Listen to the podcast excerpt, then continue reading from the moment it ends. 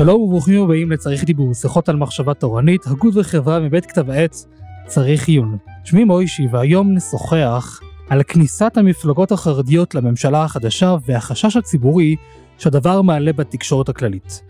ביום שישי האחרון, כ"ט בכסלו תשפ"ג, פרסם יתד נאמן מאמר מערכת נגד הצטרפות יהדות התורה אל הקבינט המדיני-ביטחוני. במאמר שכותרתו "למה תתראו" שרטט כתב המערכת באופן די בהיר את השקפת העולם הפוליטית והמדינית של דגל התורה. הוא הדגיש שאף שחברי הכנסת הם חלק מהממשלה, הם אינם רואים בעצמם אזרחי המדינה והם אינם מכירים בריבונותה. כי חברי הכנסת של דגל התורה הם לא באמת אזרחים של מדינת ישראל, שהממשלה הנבחרת היא הריבון בה, אלא הם אזרחים של ארץ ישראל, שהריבון בה הוא ריבון העולם. והשאלה המתבקשת היא, מה בדיוק הכוונה בדברים הללו ולאן העמדה הזו לוקחת אותנו? ובדיוק לשם כך נמצאים איתי שניים מחברי המערכת של צריך עיון, אליהו לוי, עורך כתב העת צריך עיון שכבר היה פה בעבר, בפרק על, על יחסי הקודש והחול. שלום אליהו. שלום מוישי. תודה רבה שבאת. ויוסי גרין, מנהל המערכת שבעזרת השם עוד ישוב אלינו בפרק סולו. שלום גם לך. שלום וברכה. תודה רבה שבאת. אז הייתי רוצה דווקא להפנות אליך את השאלה אליהו, כי אתה גם פרסמת מאמר בדיוק ביומיים האחרונים על השאלה הזו.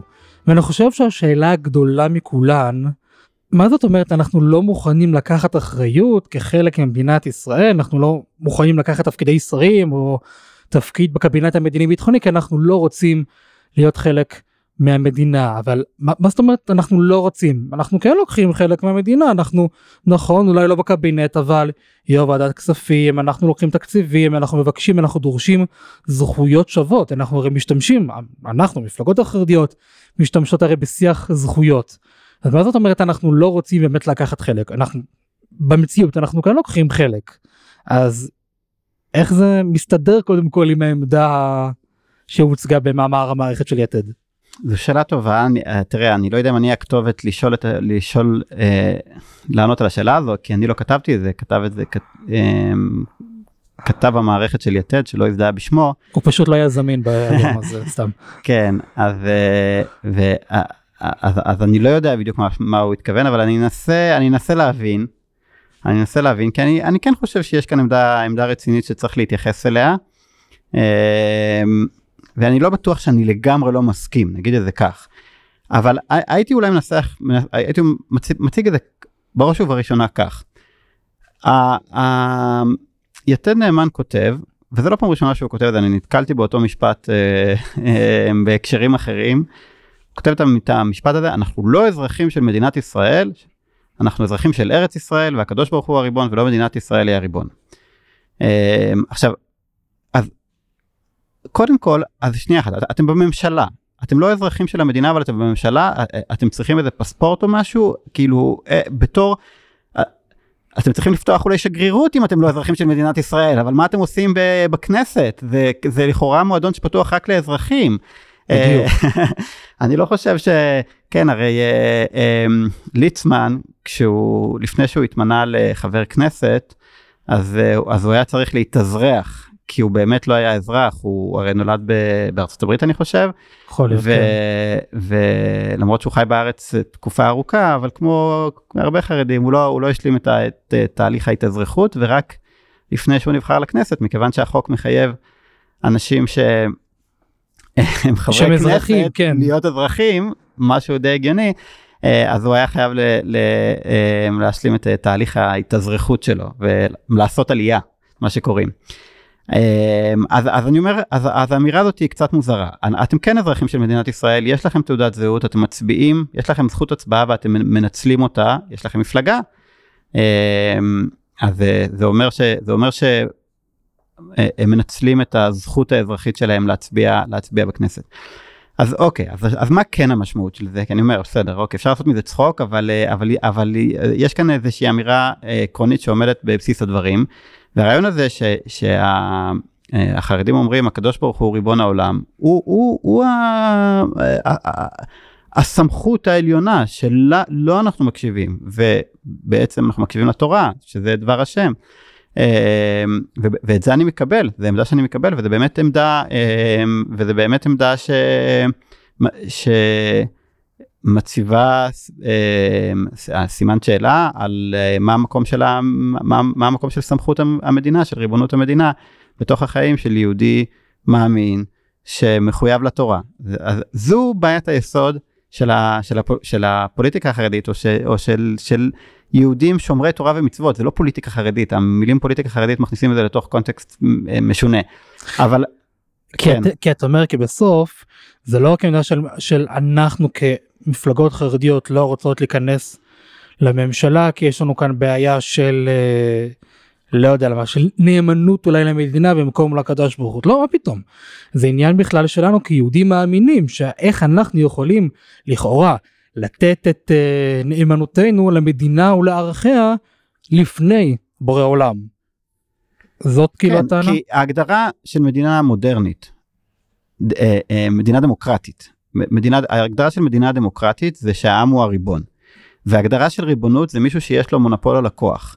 והוא גם, ו, ו, ו, ו, וזה אומר שאתה מחויב בראש ובראשונה לא, אין אף אחד מעליו. זה הגדרה של מדינה, מדינה ריבונית. כל מדינה ריבונית, לאו דווקא מדינה דמוקרטית. במקרה של מדינה דמוקרטית אז העם הוא הריבון. ואת ההנחה הזאת, זה, ההנחה הזו קשה, קשה לנו לקבל.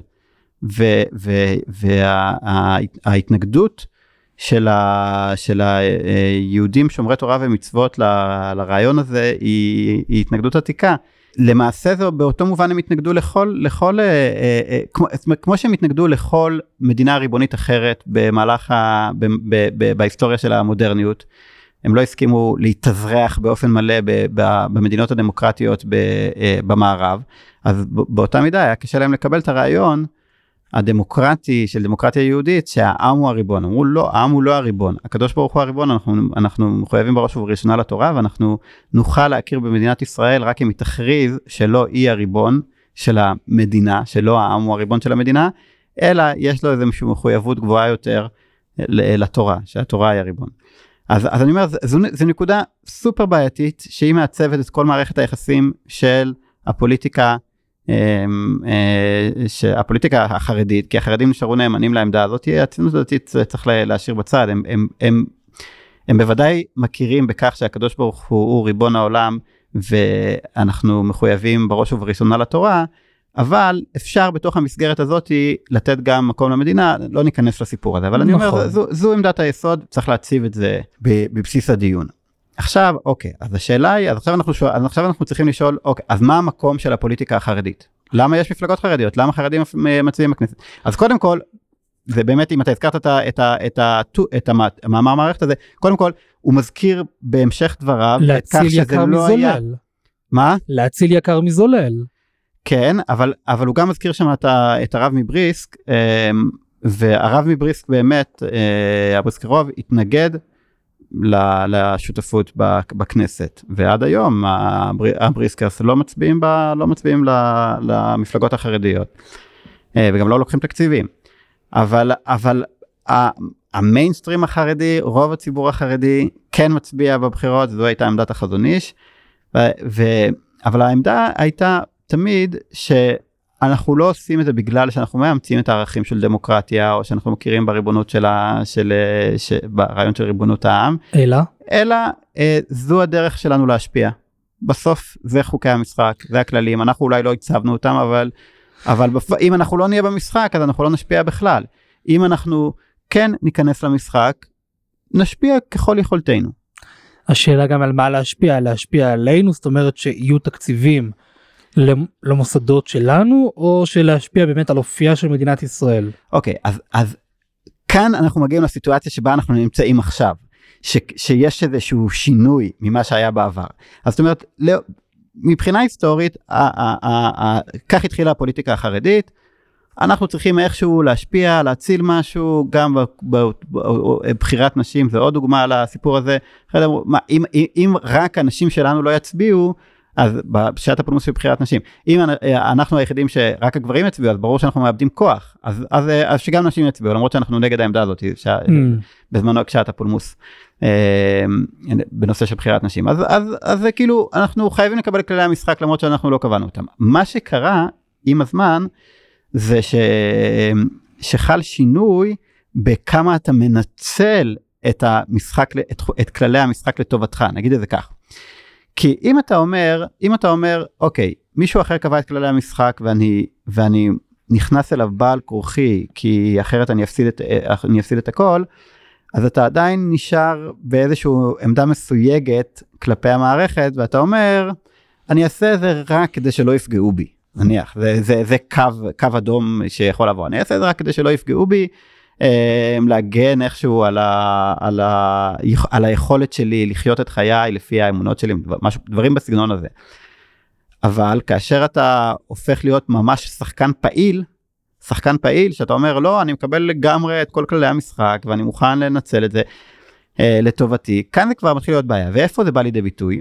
אני עברתי על ההסכמים הקואליציונים של, של mm. יהדות התורה 31 דפים זה לא זה לא קל זה משימה כל הכבוד אה, כן ההסכמים הקואליציוניים הנוכחיים. ואני לא זוכר כמה כמה פעמים הוזכר שם שהחרדים אה, רוצים שוויון זכויות. אז הם מדברים בשם, ה... בשם טענת השוויון, שטענה דמוקרטית לעילה. בדיוק. שאומרים, אנחנו אזרחים שווי זכויות במדינה, אנחנו מגיע לנו כמו שמגיע לכולם, למה שיפלו אותנו, למה שאנחנו נקבל פחות מאחרים. אבל אם אתה לא אזרח של מדינת ישראל, כמו למשל אתה לא משרת בצבא, בדיוק. זה אומר שאתה לא, אתה לא חלק מהמשחק. אז, אז אתה, אתה קצת אוחז בחבל משתי קצותיו, אז כאן נולדת בעיה. ואני חושב שהשיא שלה, השיא שלה בא לידי ביטוי בנושא של אותו מאמר מערכת ש, שהזכרת, שהוא התמודד עם השאלה האם אנחנו נכנסים לקבינט המדיני ביטחוני. כי הקבינט המדיני ביטחוני אומר עכשיו אתה זה שקובע את הכללים אתה כבר אתה כבר יש לך אפשרות אפילו לשנות את חוקי המשחק במובן מסוים. זאת אומרת אתה אתה חושב שאתה חושב ש, שלא העם הוא הריבון אלא אלא התורה אוקיי, אז שנייה, מה זה אומר? אתה חשבת את זה כל הזמן שהיית בכנסת, נכון? כל הזמן חשבת את זה, ולכן החרדים כל פעם מחו ש, אה, ש, אה, שהממשלה עמדה לעבור אה, על, על, על חוקי התורה, אז הם, אז הם הקימו קול זעקה, אז אוקיי, אז יש לך יכולת לעשות... אז כאילו איפה עובר איפה עובר הקו האדום איפה עובר הקו האדום פתאום הקווים הקווים האדומים בוא נגיד ככה הסטטוס קו הישן הוא כבר לא בדיוק קיים לא מצד החילונים מצד החרדים. הסטטוס קוו הראשוני היה שאנחנו נמצאים כאן רק לכאורה כן מכיוון, ש, מכיוון שאנחנו לא אנחנו רואים בעצמנו אזרחים בעל כורחנו בעצם נגדיר את זה כך. הם אומרים אנחנו לא אזרחים של מדינת ישראל אבל אתם כן אזרחים אז אומרים אוקיי אנחנו אזרחים בעל כורחנו אבל אנחנו לא מכירים בסמכות הלגיטימית של המדינה אלא אלא בדיעבד בעצם כי אין לנו ברירה אלא להכיר בזה כי כפו את זה עלינו. אבל אה, אבל אה, כעת זה נראה ש, שזה לא רק בדיעבד מצד החרדים. וזה מציב זה מציב את ההשקפה החרדית המקובלת בעמדה מאוד בעייתית וזה היה הנושא של, ה, של ה, אה, אותו מאמר מערכת. אני רוצה להוסיף בנקודה הזאת. קודם כל אנחנו דנים פה בשתי שאלות. אנחנו שואלים פה שאלה קודם כל מה מה מה היחס המקורי השורשי, הבסיסי של החרדים למדינה, ופה אנחנו רואים שיש הבדל בין הרב מבריסק לחזון איש, אה, גם בשאלה הזאת, אה, ואני אפרט את זה עוד רגע, ואחרי זה יש את השאלה, אה, האם יש שינוי שקרה היום, ואם כן, מהו השינוי הזה, אוקיי? אז אני רק אגיד בקצרה, בנוגע לשאלה של מה היחס שלנו למדינה, אז, אז הגישה של בריסק באופן כללי, היא ש...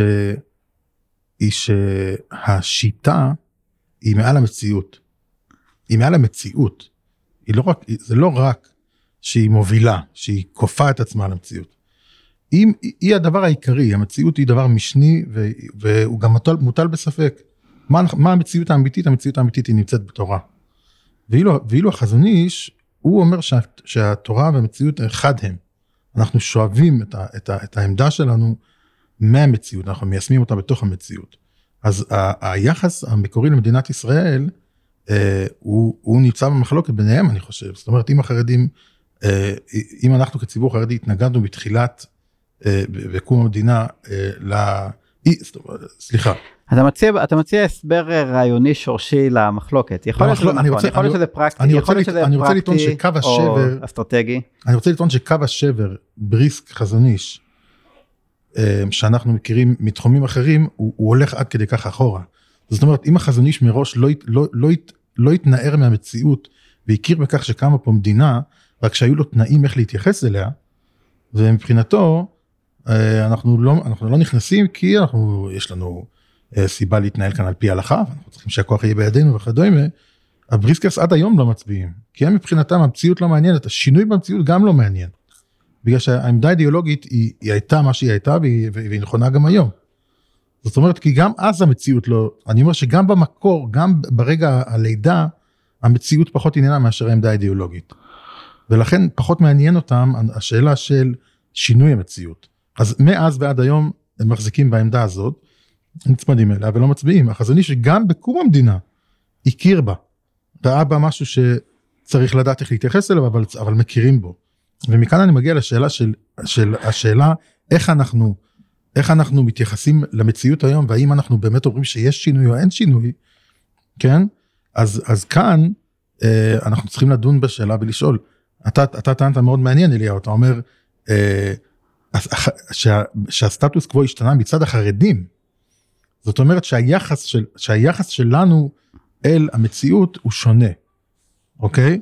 עכשיו אני רוצה, אני רוצה לומר, מה, מה הכוונה שונה כי פתאום התחלנו להכיר במדינ, במדינת ישראל כמשהו יותר שווה ישראליזציה של הציבור החרדי זה כאילו אני אם אגיד, אני אני מבין אגיד, זה, אני, זה, זה יותר, זה טיפה יותר אה, מורכב מזה.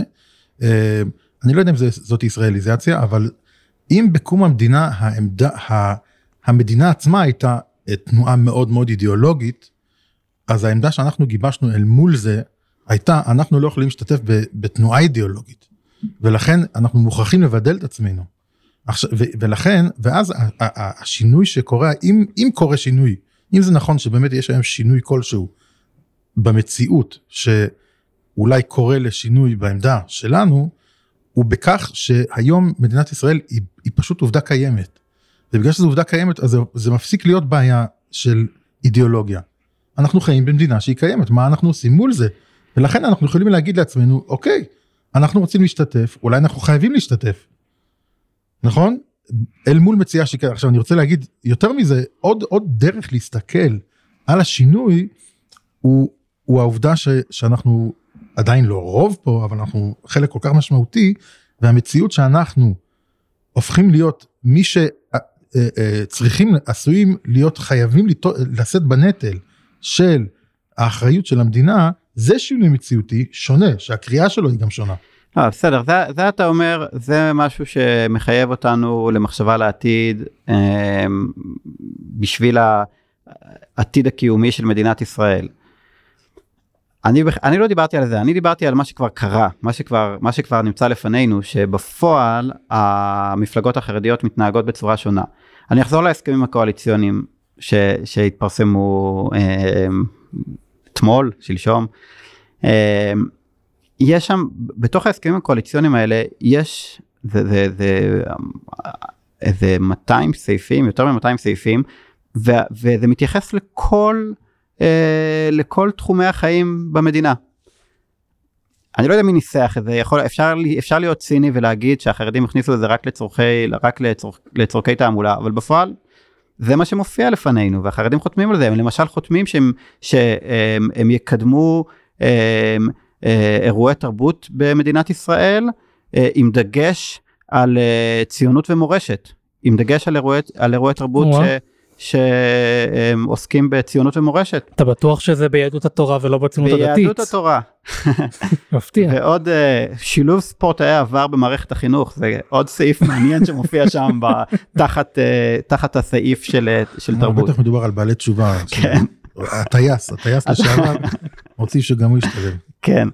אמ, אז, אני אומר השינוי כבר נמצא השינוי כבר נמצא לפנינו ואני אני אגיד אותו אולי דרך סיפור אני אגיד את זה דרך סיפור יש לי סיפור טוב אנחנו סיפור טוב יכולים, הבריסקרוב. אפשר רק שנייה רק לה- להגדיר את השינוי?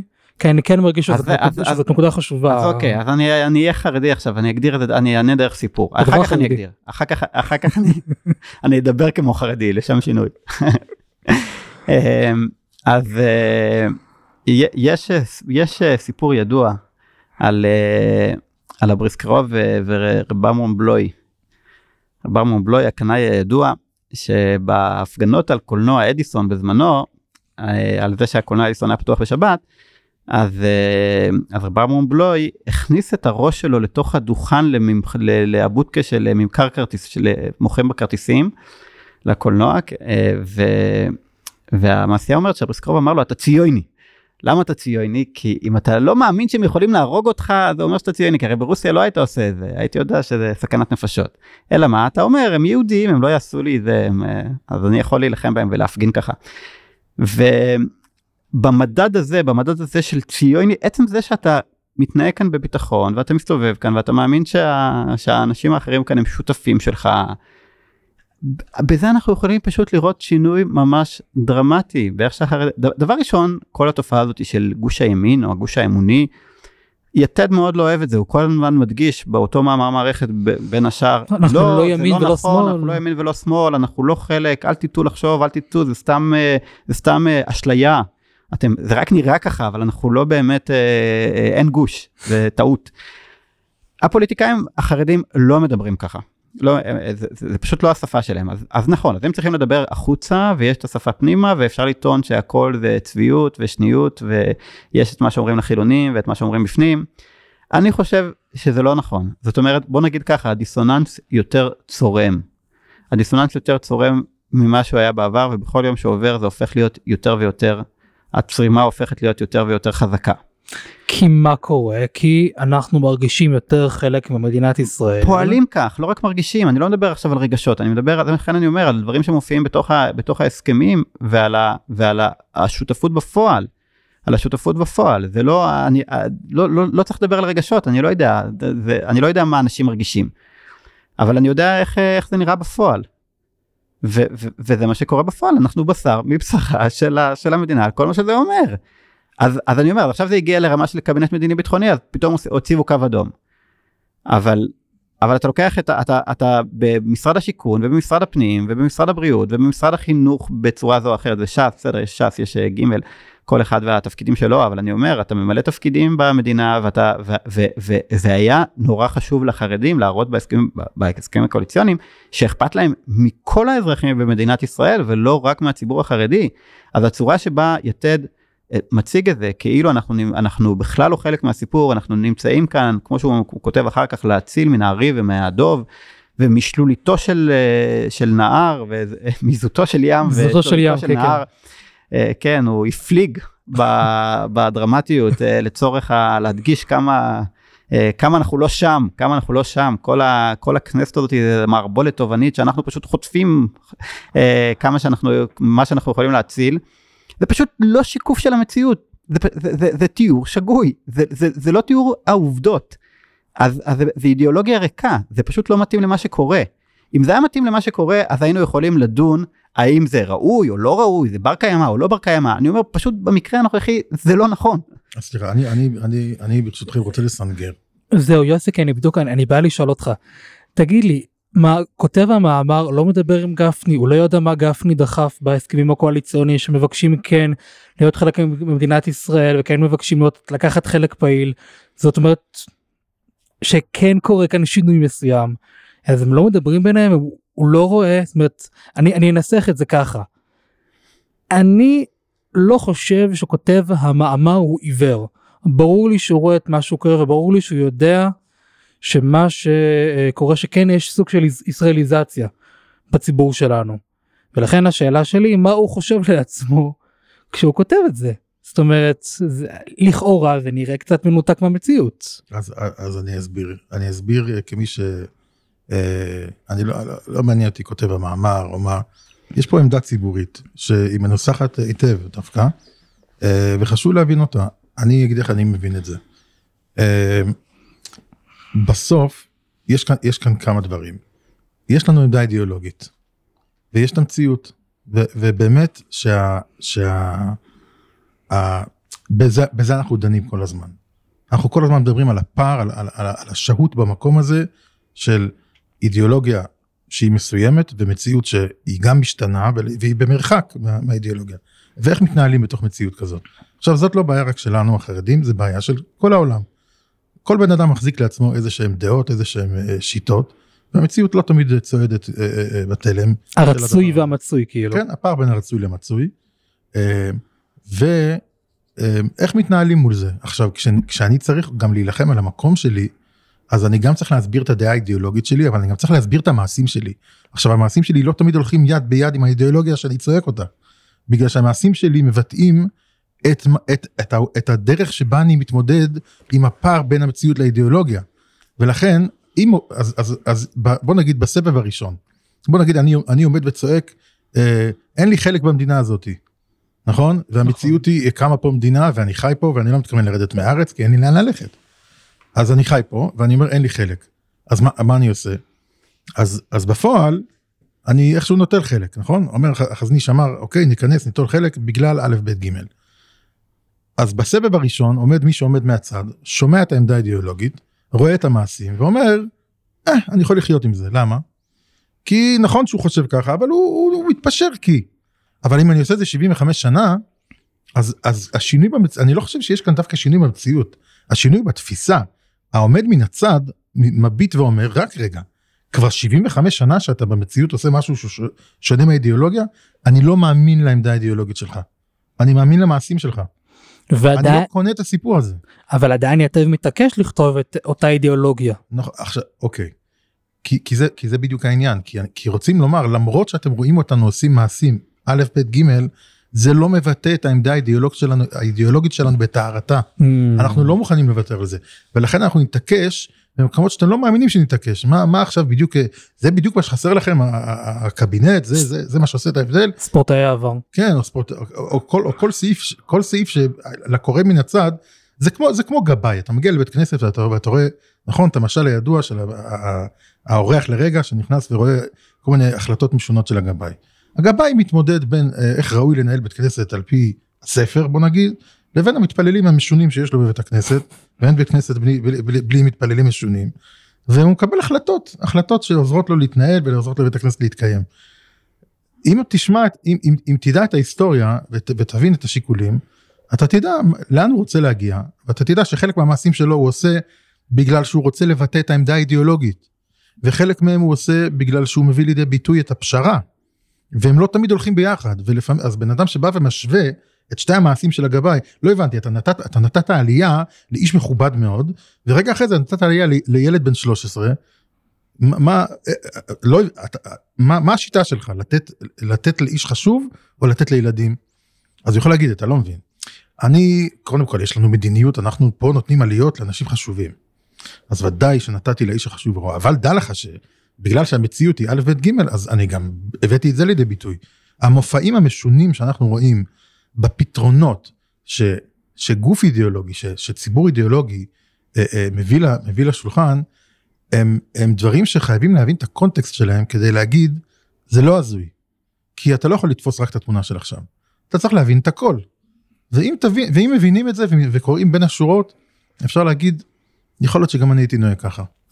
זה במילים אחרות אל תראו אותנו ככה ציונים אנחנו לא באמת חלק מהמשחק הזה זה הכל להציל יקר, להציל יקר מזולל וכן הלאה. נכון זה, זה, זה, זה תלוי תלוי מה הפשרה. תלוי אם יש פה הזדמנות נגיד לחזק את עולם הישיבות כן ו, וקופצים על זה ו, ו, ועושים מעשים. או שיש הזדמנות בגלל ולא נעים לדבר על זה אבל יש הזדמנות שבגלל שבממשלה הקודמת אה, היה היה היה שר ערבי או, או, או ראש מפלגה ערבי ש, ש, שלקח סכומים מאוד גדולים, וחברי הכנסת אמרו, רק רגע, לא ידענו שזה אפשרי. אם זה אפשרי, אנחנו נילחם על זה. ואז הולכים ועושים מעשים כאלה. עכשיו, ברגע שהולכים ועושים את זה, אז אנשים אומרים, הבנו, אה, אתם ממש ממש חלק, וככל שאתם יכולים לקבל יותר, אז בטח אתם רוצים את רשות הממשלה.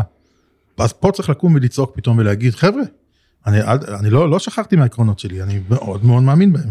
אני אגיד, אני רוצה להגיד עוד משל. יוסי, שנייה אחת, לפני, לפני המשלים, אנחנו מתנתקים, מתנתקים מהמציאות עם הדיבורים המופשטים האלה על יחסי מציאות, אידיאולוגיה.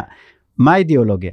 כאילו זה לא, זה, יש כאן אידיאולוגיה קונקרטית ויש כאן תנאי, תנאי שמכתיבה לכאורה דפוס פעולה מסוים. ואתה לא מתנהל לפי הדפוס פעולה שהאידיאולוגיה שלך מכתיבה זה לא קשור למתחים של מתחים מופשטים של מציאות ואידיאולוגיה.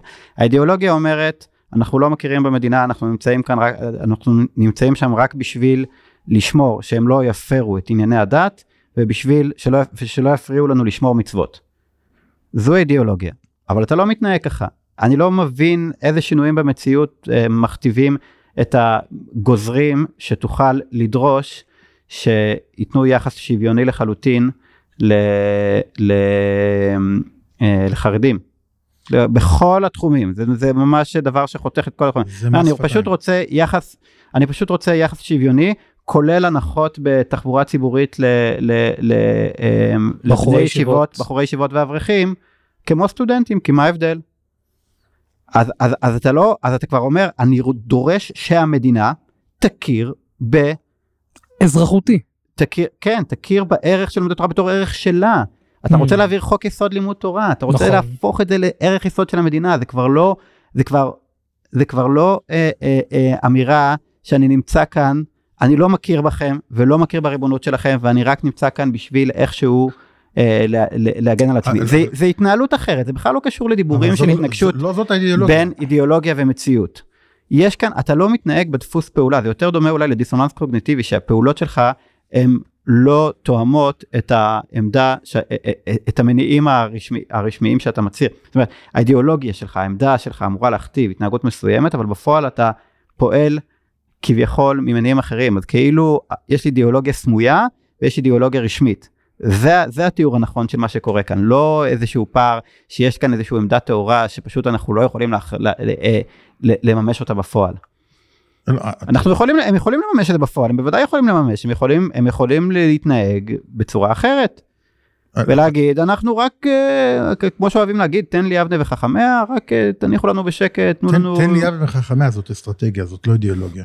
לא, אבל זה, אבל זה ביטוי אני לא אמרתי. אסטרטגיה, לא, לא, לא, לא אמרתי, לא אמרתי שזה האידיאולוגיה, אמרתי, נכון, אמרתי שזה דפוס פעולה, שאני אומר, הם יכולים להתנהל אחרת, אתה, אתה אמרת דיבורים מאוד מופשטים על אידיאולוגיה ומציאות, כאילו, אה, המצ... כאילו יש לנו איזושהי עמדה טהורה, נניח, נניח, נניח עמדה דתית טהורה שהיינו רוצים רק ללמוד תורה כמו רב שמעון בר יוחאי, נניח דוגמה למתח אידיאולוגי, היינו רוצים רק ללמוד תורה כמו רב שמעון בר יוחאי, אבל מה לעשות, כן, כמו שרבי שמואל אומר לו, המציאות לא, לא מאפשרת לנו, אז אוקיי, אז בסדר, אז עושים פשרות כן, והולכים לעבוד קצת.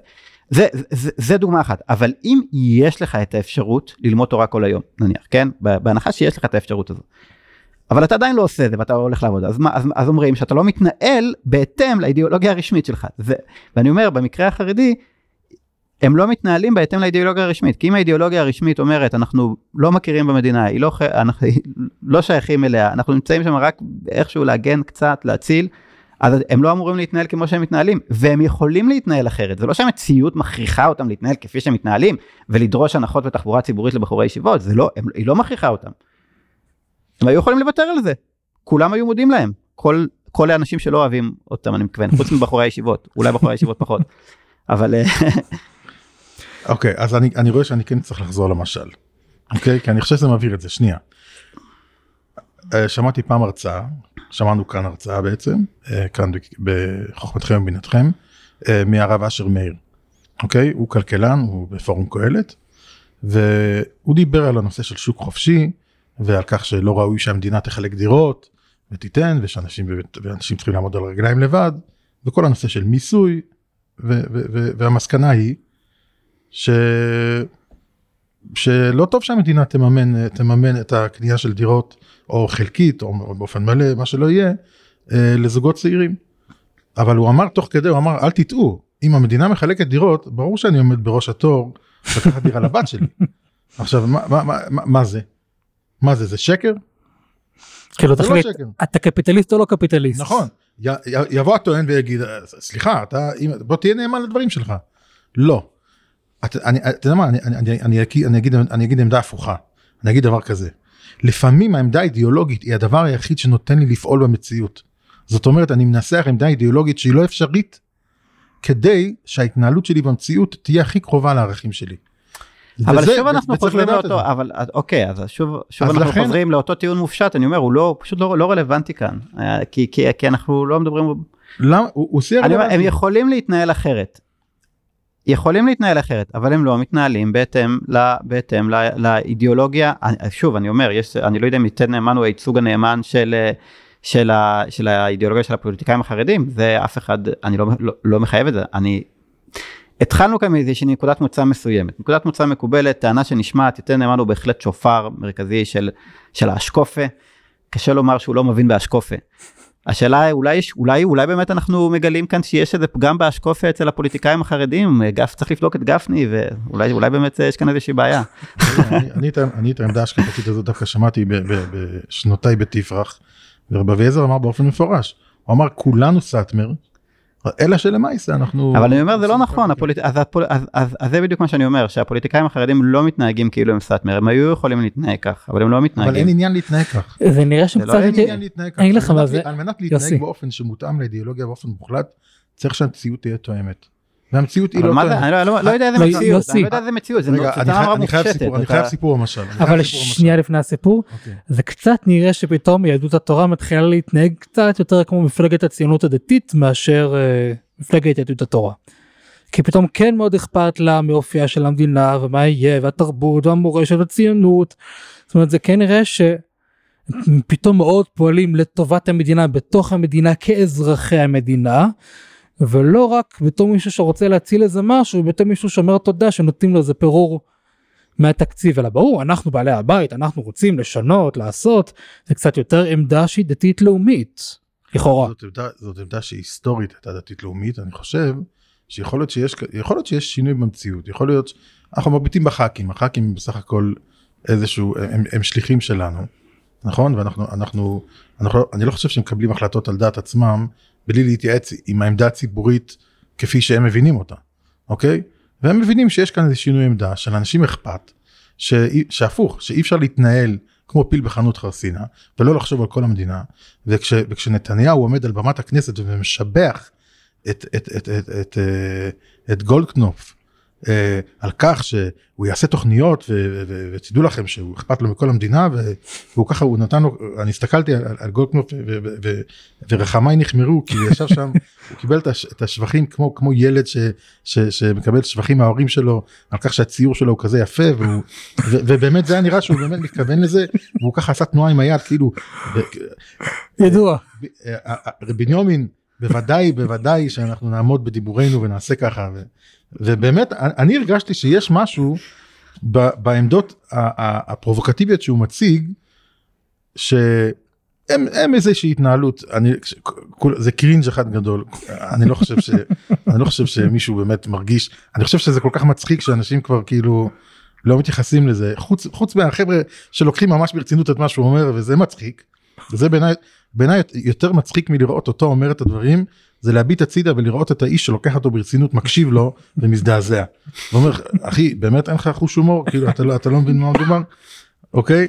עכשיו אבל אני חושב שכשהוא ישב שם מבויש וככה אה, שמח על, על, על דברי השבח של נתניהו אני הרגשתי ששם הלב שלו באמת נמצא לא מכיר אותו אישית. אבל כן רוצים לעשות משהו למען לעשות משהו שהוא יהיה טוב לנו אבל גם טוב לכולם. אנחנו עד עכשיו נאלצנו לעשות דברים שהם טובים רק לנו והם לא טובים לאף אחד. ואולי עכשיו יש לנו כוח לעשות משהו שהוא גם טוב למדינה אני לא יודע אם יש שינוי. יוסי אני לגמרי מסכים איתך אבל לכן אני לכן לכן אני אומר השאלה פה היא על יתד. זה השינוי ואני חושב שהשינוי הזה הוא בא לידי ביטוי בפועל אבל הוא עדיין לא בא לידי ביטוי בעמדה הרשמית ואני באופן אישי אני התאכזבתי שהם לא נכנסו לקבינט המדיני ביטחוני אני לא נמצא בעמדה שצריך להכניס את הדתיים לחדירים שלהם ושילמדו שם תורה בשקט ולא יפריעו לנו לנהל את העניינים זה לא זה לא הגישה שלי הפוך אני רוצה לראות יותר ויותר השפעה של אנשים יראי שמיים שנאמנים לתורה על, על האופי של המדינה אני לגמרי לגמרי שם אני מהאנשים המסוכנים שכותבים עליהם שכותבים נגדם בארץ. אמ, אז אני חושב בו, בו זמנית אני יודע ש, שהם עדיין לא מוכנים לכך. זאת אומרת שהפוליטיקאים החרדים אין להם מושג מה לעשות בכל מה שנוגע להחלטות מדיניות ביטחוניות כמו שהם כמו שיתד כתבו שם. אבל אני אומר תכירו בכך. ואם תכירו בכך אז תנסו ללמוד תנסו להבין מה צריך לעשות. ו- וזה נראה לי פשוט מחפיר שעדיין משתמשים בסיסמאות ישנות אתם לא מתנהגים ככה, אתם לא מאמינים לעצמכם, אז על מי אתם מנסים לעבוד? אתם מנסים, מה שזה מרגיש לי, שפשוט יש כאן ניסיון לומר, ל- ל- ל- לפתור את עצמם מאחריות על ידי כל מיני טענות ישנות. אה, למה אנחנו לא לוקחים אחריות, למה אנחנו לא חושבים על העתיד של המדינה, כולל דברים כמו הסוגיה הכי קשה, גיוס לצבא. מה, מה נעשה כשחרדים יהיו 40% מכלל מדינת ישראל והם גם לא יתגייסו? זה, זה כבר הופך להיות בלתי הגיוני, בלתי הגיוני לא, בעליל, אני, בלתי, אני לטעון, לא בר קיימא. אז, אז אתה כאילו מתעלם מזה ואתה סיסמאות ישנות זה מה שאתה אומר אתה אומר כל מיני סיסמאות ישנות ש, ש. ש, ש, ש, שלא יודע מה שאנחנו אזרחים של ארץ ישראל אוקיי אז תקימו צבא של ארץ ישראל מה, זה, לא. מה זה הבדיחה הזו זה לא טענה רצינית אנחנו נתגייס אם נהיה חייבים. יש כאן שאלות תוך כדי כמו צעידה, תוך כדי צעידה אל הבקו"ם, לא לא אנחנו נגיד רבו ישראל, אני רוצה אז אני אומר אני אומר אני רוצה תשובות רציניות שלכתחילה, אני אומר זה שיא רציני. לא, יש כאן ציבור שהוא כבר מיליון איש כמעט, ואי אפשר עם הסיסמאות, אי אפשר עם סיסמאות, עם, סיסמאות וגלגול עיניים כלפי מעלה. לא, כמו שכתוב באותו אה, מאמר מערכת, מדברים על זה ש, שבשאלות של חיים ומוות אי אפשר להפקיר אותם סתם, אלא צריך שגדולי התורה ישבו על המדוכה ויקבלו הכרעות. אז אני אומר, זה נכון, אני מסכים עם זה, אבל מדובר בשאלות של חיים ומוות. נכון, לכן זה שאלה של חיים ומוות, השאלה של מי יגן על המדינה זה ממש שאלה של חיים ומוות. ו, ועכשיו, אז, אז נכון, בזמן הבריסקרוב החזון איש, ש, שעולם התורה עמד בסכנת הכחדה, ואם היית שולח, ו, ו, ואם אה, אה, אה, אה, המעט בחורי ישיבות ש, שהיו כאן, היו אה, אה, אה, אה, אה, אה, המנהיגים, מנהיגים של הציבור החרדי, גדולי התורה, היו משליכים אותם לכור ההיתוך של בן גוריון, לצבא, אז אז עולם התורה לא היה שורד. אני- כאילו אני לגמרי לגמרי מבין את העמדה הזאת. למה הם נמנעו מלשלוח אותם לצבא, זה ברור לגמרי. ותומך בה. יש, כן, אני, אני, את- אתה יודע, יש איזה, יש איזה סיפור ש, שמספרים, אז אני, אני לוקח את זה לכיוון אחר. אני אומר, אני חושב שהם הבינו כמה ההחלטה הזאת קשה. אני חושב שהם הבינו כמה ההחלטה הזאת קשה והם אמרו אף על פי כן. יש לי סיפור שתומך בזה.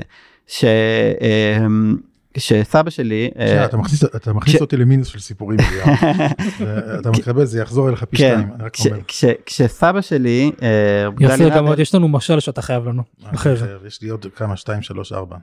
נבחר, נבחר מתוכם. and counting. כן, אליהו. אז, אז כשסבא שלי, סבא שלי היה תלמיד של איש, רב גדליה נדל, אז, אז סיפור שאני קיבלתי אה, אה, עדות מרב רון סלומון שהוא המשגיח של חברון שהוא נכון, אז במלחמת העצמאות, אה, הוא בא לחזון איש ואמר לו, זה מלחמת מצווה, חייבים להתגייס, וזו זו ההלכה. אז אני, מה, מה עושים? אז, אה, אז חזון איש אמר לו, טענה טובה, אני לא, לא יודע מה להגיד לך. לך, ל- לך תשאל את הרב דושינסקי, ברב, אה, לא הרב, הרב טיקוצ'ינסקי אני חושב, אני לא זוכר מי זה היה, אחד הרבנים מירושלים, אה, הרב טיקוצ'ינסקי לא מתאים לרב דושינסקי. מהלוח אולי? מהלוח של... אני אה, חושב שזה, אני חושב שזה מה שהיה, אני, אז זהו, אני לא זוכר את הפרטים של הסיפור, זה נראה לי שהוא מופיע בכל מיני מקומות, אבל אפשר למצוא, אבל הוא הלך ושאל אותו וה- והוא ענה לו את אותה תשובה, לא יודע מה לענות לך, תעשה מה שאתה חושב. אז הוא הלך והתגייס, זה, זה הסיפור, הוא הלך והתגייס, ואז הוא ערק בגלל, אה, אה, הוא ערק אחרי כמה ימים, שהיה את הסיפור של אלטלנה, שזה עוד סיפור בפני עצמו, אבל לא, לא לזה אני רוצה להיכנס. מה שאני אומר הוא, שהייתה טענה, ש... ברור שזו טענה עצומה, הוא לא אמר לו אנחנו אזרחים של ארץ ישראל ולא אזרחים של מדינת ישראל ולכן, לא, אנחנו אזרחים של מדינת ישראל ועדיין, ו- ולכן אנחנו רוצים להגן, אנחנו העם היהודי, ובתור חלק, העם היהודי נלחם על קיומו כאן, ו- ו- ו- וזה חובתנו כולם, מלחמת מצווה, חובה להגן על קיומו של העם היהודי, וזו אותה סיטואציה שאנחנו נמצאים בה היום. זו אותה סיטואציה שאנחנו נמצאים בה היום, אפשר לדבר באותם מונחים עצמם על, על, על חובת הגיוס. לא חובת גיוס למדינה, למדינת ישראל, לצווי מדינת ישראל, חובה להגן על העם היהודי. העם היהודי נמצא בסכנה קיומית מצד האויבים שלו, יש לו אויבים, והם רוצים להשמיד אותנו, הם לא רוצים שאנחנו נהיה כאן. אז, אז מה אנחנו עושים עם החובה הזו? אז אנחנו צריכים לשאול את השאלה הזאת ברצינות, לגלגל עיניים כלפי מעלה ולהגיד אנחנו אה, אה, אה, אזרחים של ארץ ישראל, זה, זה בדיחה. אני מצטער מאוד. אז זה לא קשור לפער בין, בין, בין אידיאולוגיה למצ, ל, ל, למציאות, זה פשוט התעקשות. יש את הסיפור, עוד סיפור ידוע עם החזון איש על, על, על, על, על, על הסוגיות האלה של הבחירות, שהוא מדבר על הגן... זה לא, זה לא על הסוגיות של הבחירות, זה עניין כללי, אבל ה, ה, ה, הסיפור על הגנרל הזקן. נכון? נכון. כולנו מכירים את הסיפור על הגנרל הזקן, שהוא משתמש בטקטיקות שכבר לא מתאימות לשדה הקרב הנוכחי. אז אני אומר, זה מה שקורה עכשיו עם ה... עכשיו יתד נאמן, הם הגנרל הזקן. הם, הם עדיין מצטטים ציטוטים שלא קשורים ל, ל, לסיטואציה הנוכחית, וזה פוגע בהם עצמם בסוף. זה פוגע בכולנו, בכל מי שאכפת לו מקיום של העם היהודי, ומההמשך של השגשוג של חיי תורה. או מהיכולת אי פעם לטפח כאן אה, אה, אה, מדינה שהיא יותר מתאימה לאיך שאנחנו רוצים לראות אותה, מדינה יותר יהודית, יותר נאמנה לתורה ולמצוות.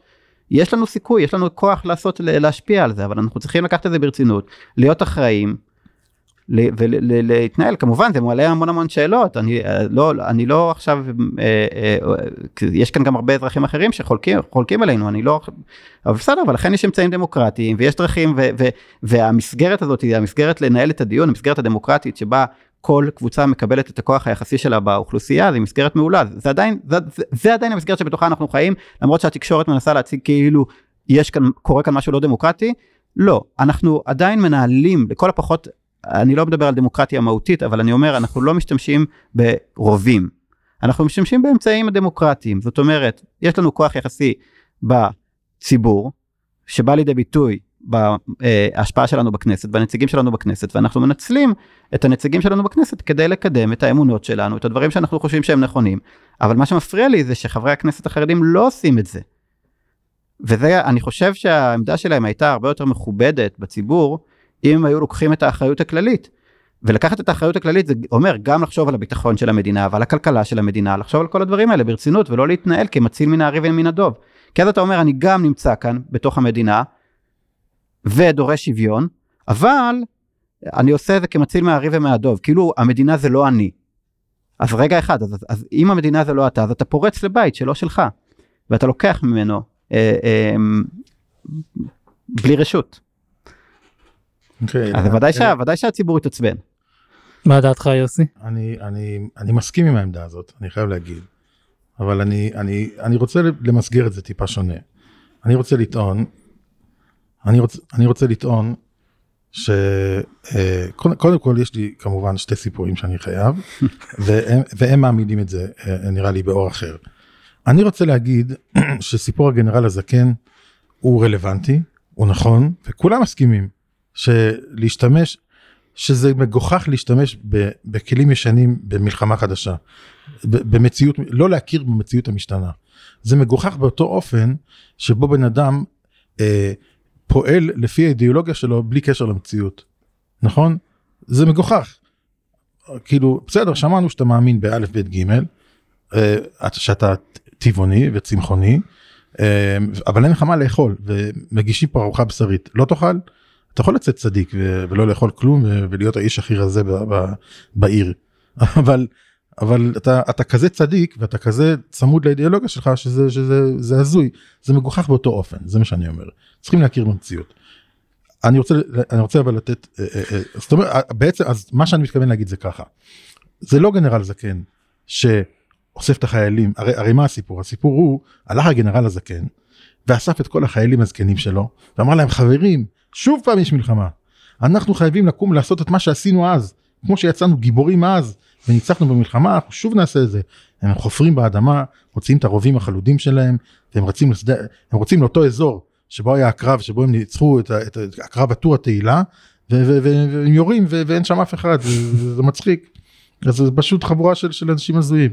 הסיפור כאן, אם נתייחס רגע ל, ל, ל, ל, שוב שוב ל, ל, ל, ל, למאמר ביתד, הגנרל הזקן הוא הולך בעל כורחו אל תוך הקרב של היום. אבל הוא צועק, הוא צועק איזה שהם אמיתות ש, שאסור שהם יישכחו. שהיו קשורות לניצחון שלו. אני, ואני רוצה להגיד, זה, אני, אני, אני אספר סיפור שהוא קשור כאילו ל, ל, לחיינו אנו. אני אגיד לך מה, וזה כאילו אתה צועק לצורך העניין לחיי הקיסר, אבל הקיסר כבר מת. כאילו אין, הקיסר איננו. אז, אבל הוא אבל יכול אבל הוא צועק הוא צועק לנערים שסביבו חברים הוא יודע שהם נגיד בוא נגיד שהם צבא של שכירי חרב והם uh, באו בשביל הכסף והוא מרגיש שחשוב גם להגיד בקול רם למרות שגם הוא יושב איתם ויכול להיות שגם הוא מקבל כסף על זה כן שיש כזה דבר להילחם בשביל אידיאולוגיה. זה, זה המשל היותר נכון. הוא, הוא צועק okay. אוקיי. צעקות שחשוב שנשמע אותם. אתה יודע אני אגיד, אני אגיד זה באופן אחר קצת. אני אספר על עצמי אני אני. אוהב לספר על עצמי שאני אוהב לטייל אבל אני לא אוהב לטייל. אני מאוד לא אוהב לטייל. למה? כי, כי שמעתי שכשיוצאים לטייל, אז אין בחוץ מזגן. כאילו אין, יש שמש בחוץ או גשם או מה שלא יהיה, וגם ספה לשבת עליה אין. אז uh, כשאני משווה את זה לסלון שלי בבית, בדרך כלל אני פשוט בוחר בסלון. אני את הסלון, כן, ברור. כן, אלא אם כן אני יכול לקחת את הסלון איתי. אז, אז אשתי היקרה אומרת לי, בוא, בוא, בוא נצא לטיול, ואני מוחה. אה, ואומר ש, שזה הבל ושאין טעם לצאת לטיול ושלצאת לטיול זה שטויות ו, וזה נגד האשקופה, כן? וש... האשקופה שעשה לנו עדיף. ולא זו בלבד, אלא שכתוב בגימור משבח אני את העצלנים שאינם יוצאים או. מביתם ברגל. יש לי תימוכין גם, גם השקפתיים, גם תורניים, גם אידיאולוגיים, ואם אני צריך לגייס את הרופא המשפחתי ולהגיד שהוא אוסר עליי לצאת, אז אני, אני גם אעשה את זה. המון טיעונים. בסופו של דבר הילדים בוכים וצועקים ורוצים לצאת לטיול, אנחנו פשוט קמים, יוצאים לאיזה טיול עלוב של חול המועד, ומגיעים לאיזה אזור, שבאזור הזה אני דמיינתי כשישבתי בבית, שהולך להיות שם 100 אלף איש ולא יהיה מקום לשבת ויש סיוט ואיזה. בסוף לא, בסוף היה שם נוף יפה ודווקא מזג האוויר היה נחמד. ואשתי היקרה אפילו ארזה אוכל נחמד ואכלנו ושתינו ונהנינו. ואבא יושב, אה, אבא אני, יושב עם פנים קצת נפולות. לא כי הוא לא נהנה, הוא נהנה, אבל אסור, לו, אסור לו להודות ולהגיד הוא מאוכזב מזה שהוא נהנה. הוא קצת, לא, קצת כי המציאות הראתה לו שעכשיו, רגע, לא הבנתי, שמענו כל כך רציני שלצאת טיול זה רע, אבל המציאות פה פתאום אומרת לנו שדווקא טיול סבבה, אז, אז איפה אתה? אבל אני לא רוצה שתבינו מזה שאני נהנה בטיול, שכל מה שאמרתי עד עכשיו זה הבל, כי זה לא הבל, אני באמת, אז אבא מדי פעם באמצע הטיול עושה קרחץ, ואומר, נו, אבל באמת שבבית יותר טוב, נו, לא היה עדיף לפתוח איזה דף גימורה. זה, זה, זה, זה מצחיק, זה קצת מצחיק, אבל זה חשוב, כי, כי, כי זאת עמדה, זאת עמדה שמבטאת מקום שראוי להיות בו. אפילו שהמציאות היא שונה. אני רוצה להגיד, אבל לספר סיפור הרבה יותר, הרבה, הרבה יותר משמעותי בהקשר אתה הזה. רוצה רק לעשות את הנמשל אולי לטובת אה, אז אני, אני, אגיד את הסיפור, השני וזה הנמשל וזה סיפור אה, על הבסקרוב. בסדר? שוב אנחנו חוזרים לבסקרוב. אה, היה סיפור, אני לא יודע אם אני מצטט אותו במדויק, אבל שמסופר, אם אני לא טועה, בשם רבי שולם שבדרון, שהוא עסק באיזה נושא חינוכי, אה, ורצו לעזור לאיזה ילד שבא ממשפחה אה, שלא ידעה אם היא רוצה לשלוח את הילד לחינוך דת- דתי לאומי, המזרחי מה שקראו אז. באותה תקופה, או לחינוך, או לבית ספר חילוני. שלום ו- ו- ו- ומי שהיה ומי שאימו אה, עסקו עסקו ב, כאילו בסיפור הזה ונכנסו לעובי הקורה והם רצו לעזור ולסייע. והשאלה עמדה על השולחן מה, מה נכון? מה ראוי? האם לשלוח אותו לבית הספר החילוני אה, ששם לא יהיה לו שום יידישקייט או לשלוח אותו לבית ספר של המזרחי? עכשיו מה השאלה כאן? כי הבריסקער רב עמד וצעק מעל, מעל כל במה אפשרית שהמזרחי זה, זה, זה טרייף זה, וזה חזיר וזה לא שייך ואי אפשר. מה עושים?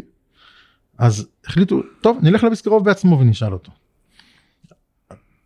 לקחו רגליים הלכו לביסקרוב ועומדים מחוץ לבית מי עומד מחוץ לבית? מורון הרב שך. הוא עמד שם שימש את הביסקרוב והוא נשא ונתן. ורב שך שואל אותו מה, מה אתם עושים כאן? מה השאלה? אה, אז הם פרטו בפניו, פרסו בפניו את השאלה. אז הוא אמר טוב שמעתי אני אני אכנס ואשאל את הביסקרוב אני אגיד לכם מה הוא עונה. נכנס הרב שך אצל הביסקרוב ואיכשהו אומר לו שהם רוצים לשלוח ל- למזרחי מיד שומעים את הביסקרוב צועק והם שמעו את זה בחוץ שם מזרחי זה דבר נורא ואיום ואסור וזה- טרייף והתערובת הזאת וכל הטענות הידועות של ה- של הביסקרוב. סיים הביסקרוב ל- לצעוק הרב שך יוצא מהדלת ואומר אומר לרב שולם "אה, טוב הביסקרוב אמר שתשלחו אותו למזרחי. אז הם אמרו מה פירוש אבל אנחנו אנחנו שמענו. הוא אומר כן כן אבל הביסקרוב אמר שתשלחו למזרחי. עכשיו הוא אומר שלתקופה אחרת הם חזרו. ותשלחו אבל תזכרו את הצעקות ברקע כאילו. או או אז, אז כאן זה, זה, זה בדיוק העניין. אז לאחר תקופה הם חזרו באמת לביסקרוב. הביסקרוב זכר את הסיפור אמר נו לאיפה שלחתם את הילד. אז הם אמרו מה פירוש אנחנו עשינו מה- מה, ש- מה שהרוב אמר לעשות שלחנו אותו למזרחי. זאת אומרת אני אמרתי לשלוח למזרחי חס ושולם. אז אמרו כן אבל הרב שך היה אצ- אצ- אה, אה, בפנים והרב שך אמר לנו שהרב אמר לשלוח למזרחי. אז הוא אמר וכאן זה משפט מפתח הוא אמר רק רבי לייזר מבין מה אני באמת מתכוון. אוקיי עכשיו אפשר לקחת את הסיפור הזה לכל מיני מקומות יש מי שלקח את הסיפור הזה לאיזה אזורים שבהם אפילו אפילו כשגדולי הדור אומרים לנו מפורש לעשות דבר אחד אנחנו לא מצליחים להבין אותו אלא אם כן גם אנחנו בעצמנו גדולי הדור וממילא אין שום דרך לדעת אלא על ידי תיווך של תיווך וכולי והציבור אין לו, אין, אין לו שום גישה בכלל. שום סוגס. כן אין לך דרך אלא אם כן אתה ממש מקבל מפי הגבוהה. אבל זה, זה סוגיה אחרת לא ניכנס לפרשנות על הסיפור. מה שאני מבין מהסיפור הזה זה שהבסקרוב בפה אחד צעק המזרחי זה נורא ואיום נורא ואיום נורא ואיום ואמר לשלוח את הילד למזרחי. זה מה שיש לנו פה. ויש דבר כזה אז זאת אומרת, חשוב שתי הדברים חשובים זה כמו הסיפור עם, עם ישיבת מערבה. בישיבת מערבה מספרים ש... שאליהו יש לי עוד סיפור אני, אני כמעט משווה יש לא, אני, אני לפני מערבה, למרות שמערבה כאילו הרב שך אמר שזה לא בסדר, אבל שכן יקימו ולא יקראו תקימו לזה. נכון הוא אמר מספרים שהוא אמר שהוא אמר לרבורט שייט זה חשוב מאוד ואתה צודק וצריך להקים אבל אל תקרא לזה ישיבה. אתה תקים ואני אעשה מחואה אה, ואני אוקיי. אצא נגדך כך מספרים. ואז הוא הקים אבל הרב שך עשה מחואה. עכשיו יש כאן החלטה מדיניות ציבורית היא דבר מורכב חייבים להשמיע את האידיאולוגיה אוקיי, כל. הסיפורים האלה טובים ויפים, אני- אבל זה לא מתייחס לטענה כאן. זו בדיוק הטענה זה- אני אומר זה- זה הכל, הכל זה רובים של לא. הגנרל הזקן. אבל זה לא הגנרל הזקן עומד וצועק צעקות שחשוב לצעוק אותם. לא, לא, לא. אבל- לא. אבל מה בידיים- לא, אומר עדיין כאן- הוא עושה משהו אחר. מה שאני אומר כאן, בידיים הוא עושה מה הצעקות האלה, שצריך. לא, לא, בדיוק זה מה שאני אומר, שהצעקות האלה זה תירוצים למה אני לא נלחם במלחמה. אה, כי אני, כי אני עסוק בקרב ההוא. לא, זה לא הקרב כאן עכשיו. עכשיו אתה צריך להחליט, עכשיו אתה צריך, אני, אני, אני, אני אחזור למאמר ההוא, למאמר המערכת שם, שהוא הזכיר את הסיפור של החזון איש, את הסיפור, את, את החזון איש, הוא אמר שהרב גולדוויך שאל אותו בזמן הקמת המדינה, מה נעשה כשהחרדים יהיו רוב? והחזון איש אמר, כשנגיע לגשר נעבור אותו, הוא לא אמר במילים האלה, אבל הוא אמר, קודם שייתנו לנו את קודם הכוח שייתנו לנו את הכוח, ואז אנחנו נכריע על פי השולחן ערוך. על פי דין תורה. אוקיי, אז זה מה שאני אומר, זה הזמן הגיע. אז הנה הכוח. הוא פה. היום נותנים לך את זה. היום נותנים לך את זה, ובמקום זה אתה מספר לי כל מיני סיפורים על, לא יודע, זאת אומרת על... אה, עיון אמיתי בדבריו של חזני שאומר שאולי באמת הגיע הזמן. אומר, כן. אומר, המציאות כן. השתנתה. כן, כי הנה, היום נתנו נותנים לנו לך, את הכוח. נתנו לך את הכוח. קודם כל שייתנו לנו, הנה, עכשיו נותנים לנו. אז, אז בוא נברר מהו דין תורה, אבל זה- אתה לא עושה את זה, אבל בגלל זה- שאתה אומר, אתה עדיין אומר, הם, הם, הם. אבל זה, זה לא בהכרח נותנים לנו ופה אתה גם קצת מרים לי להנחתה. אתה רואה שעובדה שהתקשורת וכל החילונים לא רוצים לתת לנו. ברור שיש אוי ואבוי תהיה פה התנגדות. מדינת הלכה ונורא ואיום. אוקיי, אוקיי, ברור שיש מפחדים, התנגדות, ברור שיש התנגדות. אבל, אבל במקום, אז במקום, אני פשוט אומר, במקום להילחם בקרב, זה בדיוק מה שאמרתי, במקום להילחם בקרב, אנחנו אומרים, אוקיי, אנחנו לא רוצים להילחם, אנחנו לא רוצים להילחם על שלנו, אז בואו נילחם את המלחמות הישנות שהן לגמרי לא רלוונטיות, כאילו, כאילו זה המלחמה, אבל זה ממש לא המלחמה כאן, עכשיו אתה צריך להילחם על שלך ולהגיד, אני רוצה לתת את עמדת התורה לגבי מדיניות ביטחונית, כלכלית, ו- ו- וזה יחייב אותך, כמו שאמרתי, יש לזה מחיר עצום, אתה תהיה חייב לתת תשובה, אז רגע אחד, אז מה אני עושה עם הצבא? מה אני עושה עם הילדים שלי? האם אני, איך אני שולח אותם לצבא? זה, זה, אני מבין היטב למה, ל- ל- למה אה, מתחמקים. כאילו למה יתד נאמן מתחמק, או אני לא יודע, מי שנמצא אה, אה, זה מעליו, מאוד- מאוד מפחיד להת- להתבגר. מאוד מפחיד. אה, תקרא לזה להתבגר, אני לא הייתי, לא הייתי משווה, לא הייתי אני משווה, לא-. אני אני- אומר, יש כאן איזה שינוי מאוד מאוד, לא, מאוד מאוד, סליחה, ח- רגע, בצורה משפילה. מאוד חריף, שבאמת אתה אומר, מה נעשה איתו, מה נפתח, אה, יש לנו תשובה אחרת של הבריסקרוב, שהבריסקרוב אומר, אנחנו באמת לא יכולים להכריע, כי מה נעשה, אין לנו שח ותז, אנחנו צריכים לפתור שולחן ערוך חדש, נכון. אז, אז זה תשובה שאני לגמרי מבין, אני לגמרי מבין את העמדה של הבריסקרוב, אני אומר, אוקיי, יכול להיות שהבריסקרוב היה יותר כן כאן, והח, והחזון איש, והחזון איש אמר שנגיע לזה, אבל, אבל אוקיי, אז תיתן תשובה, תנסה לכתוב ספר, כי, כי היום הזה יגיע. ו, ה- ה- ו, אז, אז אני יכול להבין את הבריסקרוב. כי אני אומר, אני אומר ש, שאל תיקח את החבל משתי קצותיו ותגיד אני מציל מן הארי ומן הדוב, וקיצור, אם אתה הולך כמו הבריסקרוב אז, אז תודה בזה בפה מלא ותגיד, אני פשוט לא מסוגל, קחו אתם את המפתחות, תעשו את זה אתם, אני לא מסוגל. לא יודע. הבנתי אז במילים אחרות אם אני לוקח את מה שאתה אומר ואני מתרגם את זה למה שיוסי אומר אתה אומר הזעקות של הגנרל הזקן שאתה אומר שחשוב לשמוע כבר לא חשוב לשמוע אותן, הן לא רלוונטיות כל הדבר הזה אתה יכול לזרוק אותו לפח ובאיזשהו מקום מאמר המערכת של יתד אתה אומר כבר לא רלוונטי זאת אומרת זה כבר אה, הזעקות האלה שאנחנו אזרחים מדינת ארץ ישראל זה לא רלוונטי, הוא אפילו מזיק, הוא התחמקות מאחריות בתירוצים לא רלוונטיים. הבנתי. כן יוסי מה אתה רוצה לומר בהקשר הזה?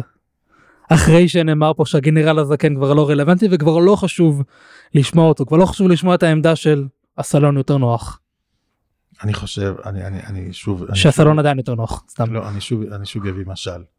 Uh, התקופה של ההתפתחות של המחשבים uh, בשנות ה-80 וה-90 בעיקר, uh, הייתה מלווה בתקופות של, uh, של קפיצות טכנולוגיות. עד היום זה ככה בעצם, אבל uh, היו קפיצות טכנולוגיות שחייבו uh, שינוי של כל, ה- של, כל ה- של כל המערך. Uh, מה למשל? התרגלנו למחשבים של הדור הראשון, הדור השני, שהם היו צריכים נפח מאוד קטן של מעבד, ואז המערכות היו גדולות יותר והם לא יכלו להכיל את זה. עכשיו, על פי האמת, מה שהיה צריך לעשות זה היה פשוט להתחיל הכל מחדש. להתחיל את כל המערכת, היה DOS, DOS, שהיא הייתה המערכת של לפני, בדיוק לפני Windows, אה, שעבדה על איזושהי מערכת מסוימת, היא כבר לא יכלה להכיל את, ה, את ה traffic של המידע ושל הפעילות שהתוכנות החדשות יותר היו צריכות. אז Windows, אז, אז חברת מייקרוסופט יצרה כל מיני פאצ'ים, כל מיני התאמות לאחור קוראים לזה. התאמות לאחור זה מתי שיש התפתחות טכנולוגית, אנחנו גם לוקחים בחשבון את הדור החדש, את, את, את, את השינויים החדשים, אנחנו גם צריכים להתאים את זה אחורה. עכשיו, יש אנשים שהם קצת קיצוניים, אני חושב, שבאים ואומרים חבר'ה, אנחנו מוותרים על הכל, ואנחנו בונים את זה עכשיו מחדש, כמו שצריך, וזהו. יש לזה מחיר יקר מאוד. המחיר הוא בעיקר הנתק מהשלב שלפני. הנתק מהשלב שלפני הוא דבר בלתי אפשרי. זה לא טוב. אי אפשר ככה להמשיך מסורת, אי אפשר ככה לחנך, אי אפשר ככה באמת לפרש את, את, את השינוי במציאות בלי הקונטקסט שלו. ולכן אני אומר, הת- התאימות הזאת, אפשר להבין כשבן אדם אומר, רגע, דרך אגב, רואים את זה גם, גם, הציבור, גם הציבור הדתי-לאומי. יש לנו אה, את, ה, את, ה, את המערכת שהרב קוק אה, אה, אה, העמיד, ויש שם המשגה של, של, של, של מערך אמוני שלם, ואחרי זה אנחנו צריכים להתאים את זה למציאות ולהגיד, כן, גם כאן אה, זה מתאים כי, ואז באים פרשנים ו, וקצת אה, מסובבים את זה וכדומה. אנחנו נמצאים בתוך התהליך הזה, אני חושב שתהליך של התבגרות, כן, של התבגרות הנפש, של התבגרות של אומה, הוא, הוא, הוא קשור בכאבים האלה, בהתאמות לאחור וגם בהתאמות קדימה. אי אפשר פשוט רק להסתכל קדימה. כל הזמן אנחנו נמצאים בריקוד הזה של גם קדימה גם אחורה, וחלק מזה מלווה לפעמים בפרשנות שהיא אה, היא יכולה להישמע לא הגיונית לפעמים, היא יכולה להיראות מצחיקה, מגוח- מגוחכת אולי, אבל היא מה שנצרך על מנת שאנחנו נוכל לקחת את הצעד הבא. ויכול להיות שזה מה שאנחנו רואים כאן, כי אנחנו נמצאים בתהליך של שינוי. ואין ויכוח על הסיפור הזה, ולוקח לנו זמן להבין את זה, ואז אנחנו אומרים, אולי כמו teenager שעדיין לובש את הבגדים של אתמול והם קצת קצרים עליו, אז לרגע אנחנו נראים מגוחכים, לרגע אנחנו לובשים חליפה שהיא קצת גדולה עלינו, אנחנו, אנחנו בתהליך של שינוי, תהליך של, תהליך של, של התאמה ושל, ושל, ושל לקיחת אחריות על הכתפיים שלנו, היא דבר שאנחנו צריכים לצמוח לתוכו. זה לא רגע אחד כן, רגע אחד לא. אם אני רגיל כל היום לא להגיד לא, אני לא יכול פתאום להגיד כן על הכל, אני צריך להכין את עצמי. אני מאוד מסכים עם מה שאתה אומר אליהו. אנחנו צריכים לנסח את הדברים, לחשוב עליהם. מה אנחנו חושבים על, על, על ביטחון? אם פתאום הצבא בידיים שלנו, אם עד אתמול צעקנו שצבא זה, זה, זה טרייף וחזיר, ועכשיו אנחנו פתאום, אנחנו מנהלים את הצבא, מה, מה אנחנו עושים? אני זוכר שהיה לי פעם שיחה עם חבר, אה, ובזה אני אסיים, אה, אה, בסיפור הזה, היה לי, היה לי שיחה עם חבר באמת שהוא, הוא, אני חושב שהוא ככה למד ב, בישיבה חרד"לית, אמרתי לו תקשיב, וזה מצחיק כי זה מאוד דומה למציאות היום. אז הם היו די, די מיעוט קטן שנלחמו על הקיום שלהם, ואמרתי לו תקשיב אני נותן לך בעיניים את המפתחות של המדינה, מה אתה עושה? הוא, הוא, הוא נורא נבהל מזה, הוא אמר רגע, אה, אני שם את הרב עובדיה אה, אה, כשר חינוך, ואת הרב אלישיב אני שם כשר, לא יודע, הוא מצא לו גם, הוא מצא לו גם תפקיד, והוא הוא ניסה, הוא, הוא, לא יכל, הוא לא יכל למצוא שמות של אנשים שהוא רוצה להניח בתפקידים, כי פתאום, רגע, אם, אם זה בידיים שלי, מה אני עושה? אז זה דברים שצריכים לחשוב עליהם, ואנחנו גם, תוך כדי גם חושבים על האידיאולוגיה שהנחתה אותנו, על המעשים שעשינו עד היום, ומנסים לעשות התאמות לאחור והתאמות קדימה. ו, וזה תהליך כואב, וראוי לצעוק את הצעקה נגד, ולהגיד חברים בוא נהיה הגיוניים, בוא ניצמד לאמת, בוא נעשה דברים כמו שצריך, ותוך כדי גם ראוי להבין, להבין מה אנחנו עוברים, ולהבין ש, ש, ש, שכוונתם של אנשים לטובה. אנחנו, אכפת לנו מהחינוך של הילדים שלנו, אכפת לנו מהדור הבא, אנחנו יודעים ירא שמיים, אנחנו רוצים להעביר את המסורת הלאה, זה בראש מעיינינו. אז אה, יפה. השם יעזרנו. אמן. תודה רבה לשניכם, גם לך יוסי גרין וגם לך אליהו לוי על השיחה המעניינת והמרתקת. האמת שגם בלי קשר זה פורמט חדש מדי ניסיוני שאנחנו ככה משוחחים שלושה. מי יודע, יכול להיות שאולי נחזור לזה שוב. אז תודה רבה לשניכם, תודה רבה כמובן גם לרב ישוע פפר, לרב מיכאל נחטיילר, ולרוב אני גם מודה לשניכם, אבל אתם שניכם פה אז. שוב תודה רבה גם לכם על כל העזרה וההכוונה, ותודה רבה גם לכם המאזינים, אתם מוזמנים להמשיך ולהאזין, כמו גם לפרקים הקודמים מפלטפורמת הפודקאסטים האהובה עליכם. אני הייתי מוישה וניפגש בעזרת השם בפרקים הבאים.